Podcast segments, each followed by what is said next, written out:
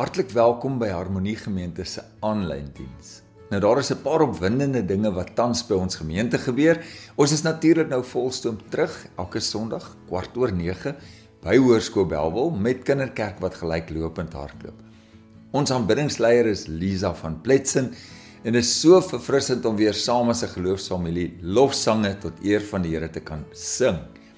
Op 27 Februarie Sondag kom bedien Joshua na die reën ons tydens ons oggenddiens en almal is natuurlik hartlik welkom. Maar Rocco sal vir ons 'n aanlyn diens boodskap bring aangesien ons nie Joshua se optrede kan uitsaai nie. Jy kan ons help om ons visie en ons bediening uit te leef deur 'n bydrae te maak.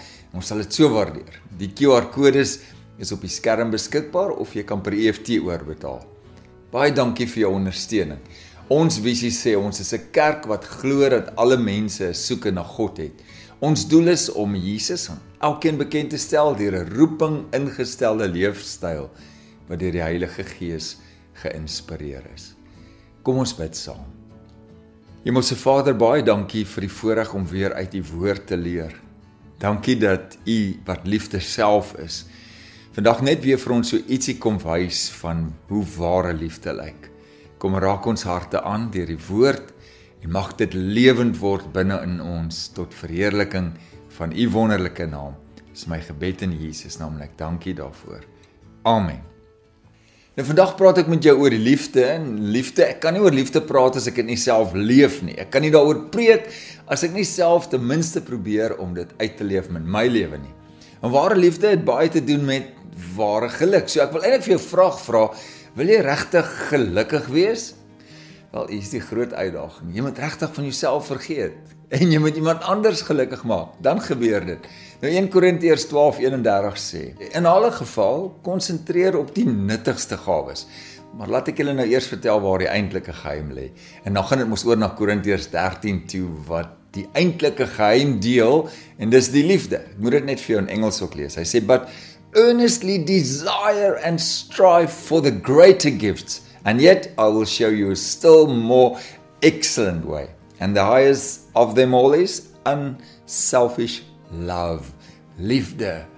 'n Mens kan dit ook hoor in Jesus se woorde in Matteus 5 vers 44. Hy sê: "Maar ek sê vir julle, julle moet julle vyande lief hê en bid vir die wat julle vervolg." So sal julle optree soos ware kinders van julle hemelse Vader. Nou hy sonder ons uit. Ons is anders want want sien hier binne in ons is iets iemand, die Heilige Gees wat ons anders maak dat ons buitengewoon kan optree. Die skrif gaan aan, hy sê laat hy laat immer sy son opgaan oor slegtes en goeies en hy laat sy reën val op die wat reg doen, maar ook op die wat verkeerd doen. As julle net die liefhet wat julle liefhet, watter beloning is daar dan vir julle? Selfs korrupte tollenaars doen presies dieselfde. En as julle net julle eie mense groet, wat besonders doen julle dan? Doen die ongelowiges nie ook maar dieselfde nie? Nou hier is die vraag. Is jy bereid om God te vra om jou daardie ware liefde te wys? Om liefde te hê selfs al is daar niks in dit vir jou nie. Nou liefde vra beslis altyd iets dat jy sal gee. As jy daardie gee liefde, ware liefde van God reg verstaan, sal dit selfs die ergste mens wat jy ken vir Christus kan wen. En jy sal dit sien. Een van die groot redes waarom soveel mense nie in liefde wandel nie, is net omdat ware liefde te veel vra. En is groot moeite, dit vra altyd iets. Dit gaan jou altyd iets kos. Ware liefde kos 'n prys. Nou of dit nou tyd is, moeite, opoffering, geld, goed, selfs die eenvoudigste ding. Byvoorbeeld so 'n argument in jou huis te stop. Dit gaan beteken jy moet jou trots in jou sak steek. Uh jy sal dit so 'n bietjie moet sluk en jy moet die ander ou persoon of die ander persoon laat glo dat dat hy reg is, al is jy 100% oortuig dat jy eintlik reg is. Dit is tog God se wil dat ons in vrede moet leef. Maar boop alles, as ons in hierdie donker wêreld waar ons volgelinge van Christus is leef, moet ons die eerste tree gee kan nie verwag dat nie volgelinge van Christus die regte ding gaan doen as hulle nie eens omgee nie of weet wat die regte ding is om te doen. So ons moet dit doen want ons is die voorbeeld geroepenes van die Here. As wedergebore kinders van God moet ons weet wat om te doen. Nou daarom moet ons die woord bestudeer. Daarom kom leer die Here weer vandag vir ons ietsie oor ware liefde. Die wêreld soek nie heeltyd mense wat vertel van God se liefde en wat al die regte dinge sê nie, hulle het nodig om dit te sien. So as jy 'n indruk wil maak op ongelowiges daar in jou werksomgewing, in jou familie, handhaaf die karakter van Jesus. Christus se karakter was altyd onberispelik, sout en lig. Dis waarvoor hy ons geroep het om te wees.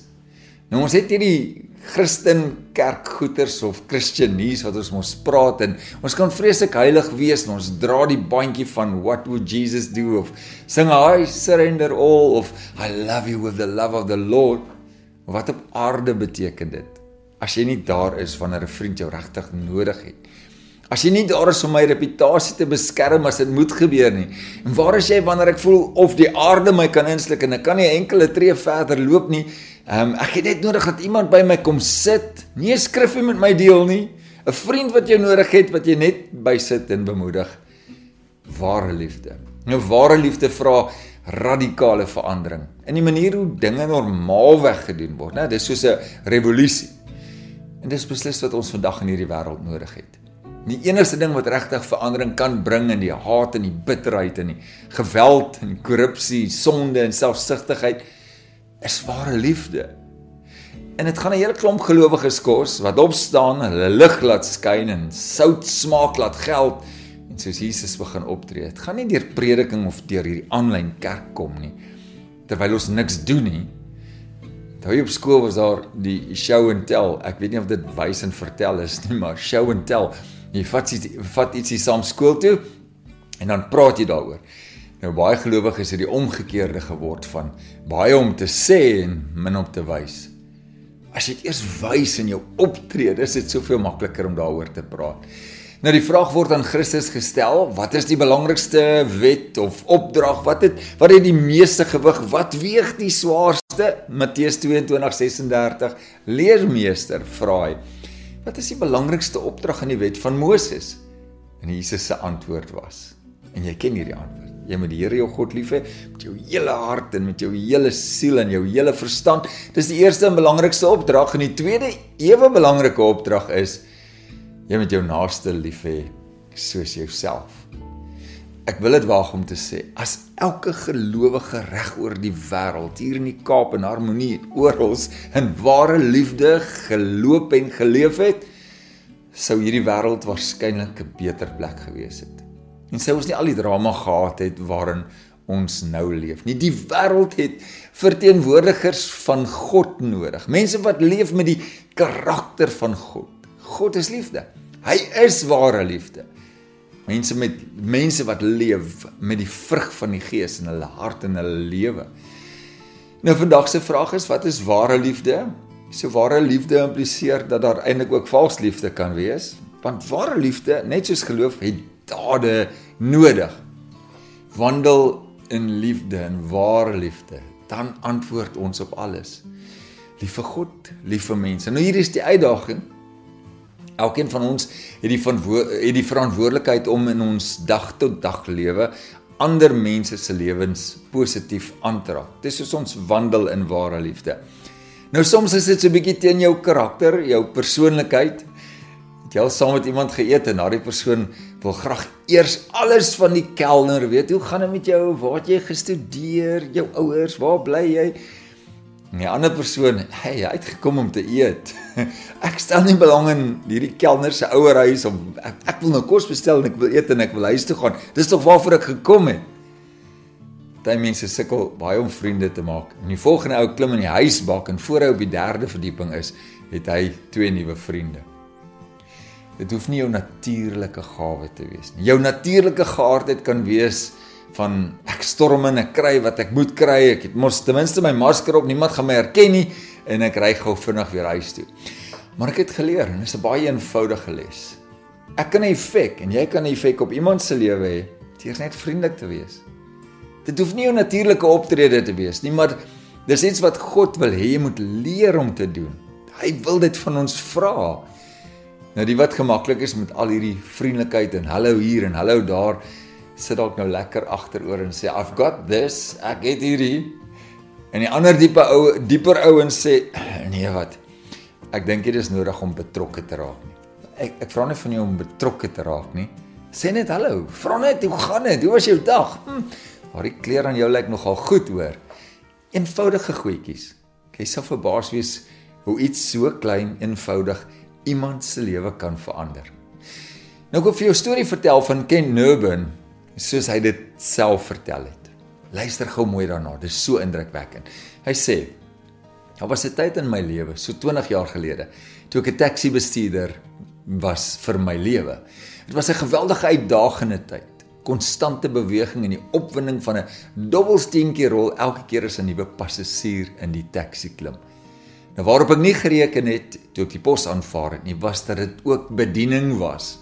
Omdat ek die nagskof bestuur het, het my taxi behoorlike afpakplek geword van passasiers wat in die donker van die nag hulle diepste geheime met my deel.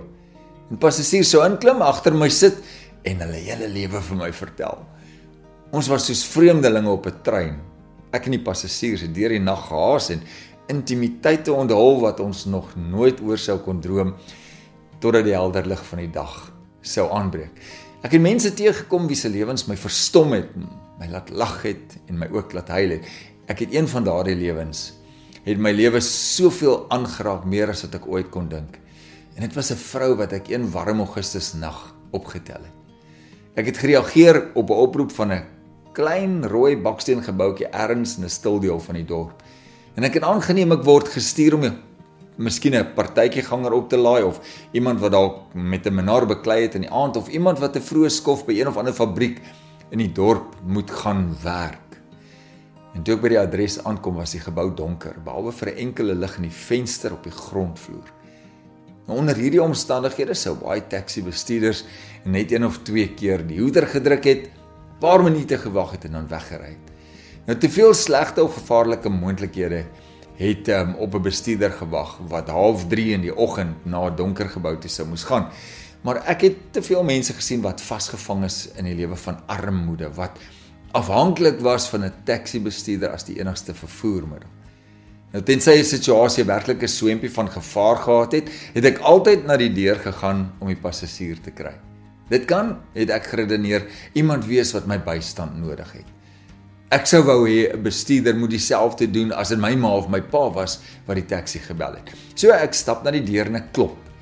Net 'n oomblik, antwoord 'n sagte en 'n swak bejaarde stem. Ek kon die geluid hoor van iets wat aan die vloer voort so oor die vloer gesleep word. En na 'n lang stilte het die deur oop gegaan. 'n Klein vroutjie iewers in haar 80's het voor my gestaan. Langs haar was 'n klein tassie. Die geluid wat ek gehoor het was waarskynlik die tassie wat sy oor die vloer gesleep het.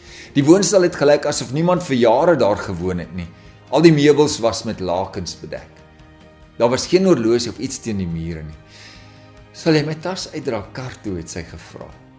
Ek wil graag 'n paar oomblikke alleen hê. En dan as jy kan, sal jy terugkom en my help asseblief. Ek is nie so sterk nie. Ek het die tas na die taxi geneem en toe teruggekeer om die vrou by te staan. Sy vat my aan die arm en ons stap stadig na die taxi toe. Sy het my bly bedank vir my vriendelikheid. Dis niks het ek vir haar gesê. Ek probeer net om my passasiers te behandel soos wat ek glo iemand my ma sou moes behandel jy's 'n goeie seun het sy gesê en haar lof en waardering was amper vir my 'n verleentheid. Maar toe ons in die taxi klim het sy vir my 'n adres gegee en gevra kan jy my asseblief na die middestad toe of deur die middestad daarheen ry. Dis nie die kortste pad nie het ek geantwoord. O ek gee nie om nie het sy gesê. Ek sê haastig nie. Ek's op pad na hospice toe. Ek het in die triespieeltjie gekyk en haar oë het geblink. Ek het geen familie oor nie het sy gesê. Die dokter het gesê ek moet hospis toe. Hy sê ek het nie meer baie tyd oor nie. En ek het stil my hand uitgesteek, ek het die meter afgeskakel. Watter roete wil jy met ek gaan? In die volgende 2 ure het ons deur die stad gery. Sy het vir my die geboue gewys waar sy eers gewerk het. Ons het deur die woonbuurt gery waar sy en haar man gewoon het toe hulle nog eerste keer getroud was. Sy het my laat optrek voor 'n pakhuis wat eens 'n saal was waar sy as 'n jong meisie gedans het. Soms het sy my stadiger voor 'n spesifieke gebou of hoek laat staan en in die donker gesit en staar en net niks gesê nie. En toe die eerste oggendson sy verskyning oor die horison maak, het sy skielik gesê: "Ek's nou moeg. Kom ons gaan nou." Ons het in stilte gery tot by die adres van hospice wat sy vir my gegee het. Dit was 'n klein gebou, soos 'n klein herstelhuis met 'n oprit wat reg voor die voordeur verbygaan. Soos ons opgetrek het voor die deur, was daar twee mans gereed om haar te help. Sonder om vir my te wag, het hulle die deur oopgemaak en die vrou begin bystaan. Hulle was sorgsaam en doelgerig en het haar elke beweging dopgehou. Hulle moes al verwag het, miskien het sy ge-SMS op pad daarheen. Ek het die kattebak oopgemaak en die klein tasie tot by die deur geneem. En op die stadium het hulle die vroutjie reeds in 'n rolstoel laat sit. "Hoeveel skuld ek jou?" vra sy en steek haar beursie uit. Niks het ek gesê. Maar jy moet 'n bestaan maak. Nou daar's ander passasiers wat my daarmee kan help, het ek geantwoord.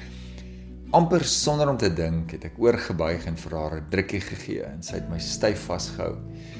Jy het 'n ou vrou 'n oomblik van vreugde gegee, het sy gesê. "Dankie." Daar was niks meer om te sê nie. Ek het een keer haar hand gedruk en toe in die vaaloggendlig net weggestap. Agter my kon ek die deur hoor toegaan. Dit was die klank van die afsluiting van 'n lewe. Ek het nie meer passasiers opgetel in die skof nie. Ek het doelloos gery en in gedagte. Vir die res van daardie dag kon ek skaars praat. Ek het net gedink, wat as daardie vrou 'n kwaai bestuurder gekry het of een wat ongeduldig was om sy skof te beëindig? Wat as ek geweier het om te help of een keer die hoeter gedruk het en toe weggery het? Wat as ek in 'n vieslike, haastige by was en geweier het om die dame om met haar te gesels? Hoeveel ander oomblikke sou daardie dag dalk gemis gewees het wat ek nie raak gesien het nie.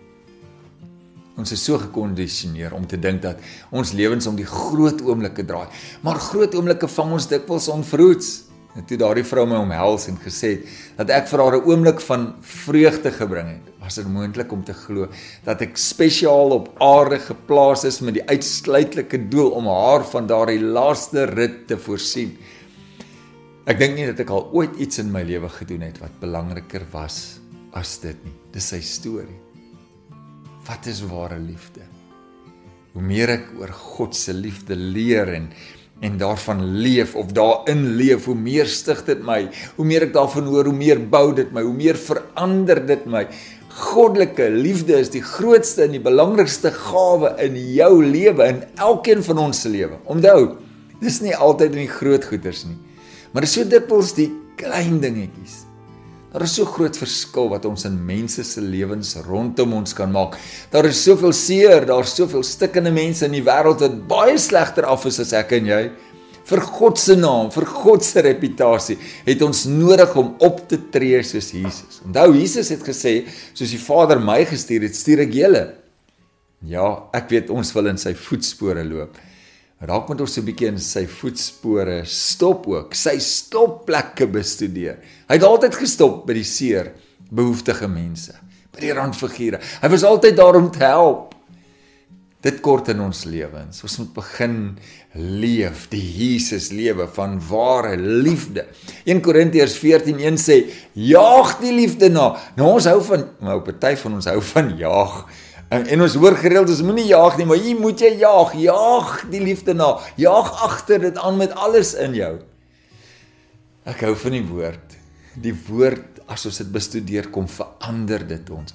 1 Korintiërs 14 die Engels sê pursue this love with eagerness, make it your goal. Iets wat ek doelbewus aspres moet doen. Nie net as ek so voel of wanneer ek lus is nie, Moenie net bid dat God jou sal seën nie, bid dat God jou 'n seën vir ander sal maak. Oral waar jy heen gaan, bid elke oggend dat God jou 'n seën vir almal sal maak wat vandag jou pad kruis. Dat ek nie sal soos iemand sal rondbeweeg wat sonder oë en sonder ore is. Help my om te hoor wat ander sê, om hulle behoeftes raak te sien en help my om hulle te help in hulle behoeftes. Soms hoef ons nie eers vir God te vra om iemand te help as ons dit self kan doen nie, en maar, ons wil nie. Wag, ek gaan dit herhaal dat jy dit gou weer hoor. Soms is dit nie eens nodig om die Here te vra, "O oh, Here, help daardie persoon." As jy dit self kan doen, doen dit. Sien, maar nou sê ons ook, "O, oh, tog ek kan ook nie alles vir almal wees nie. Jy weet, ek is daar hier betrokke en daar betrokke." Maar jy beter ook nie niks doen nie. Wanneer laas het jy iets gedoen? Ek kan nie alles vir almal wees nie, maar ek weier om niks vir niemand te wees nie. Liefde vind altyd 'n manier. Ons almal dra maar daardie lysie van verskoning saam met ons rond. Ja, die enigste manier hoe jy vry gaan kom is wanneer jy gaan begin om iemand anders te help. Van jouself die fokus af te haal. Het jy 'n idee hoe ernstig hierdie is? Dit maak nie saak wat jou probleem is nie. Maak nie saak nie. As jy jou kop van jou probleme en jou uitdagings en jou goeders afhaal, van jouself afhaal en weg van dit af kyk en dit probeer ja, en optou om dit te probeer op te los en na iemand anders fokus of iemand anders fokus, dan gaan jy dan gaan jy sien hoe God deurkom. God wil iemand hierdie hoor. Take care of his business and he will take care of your business.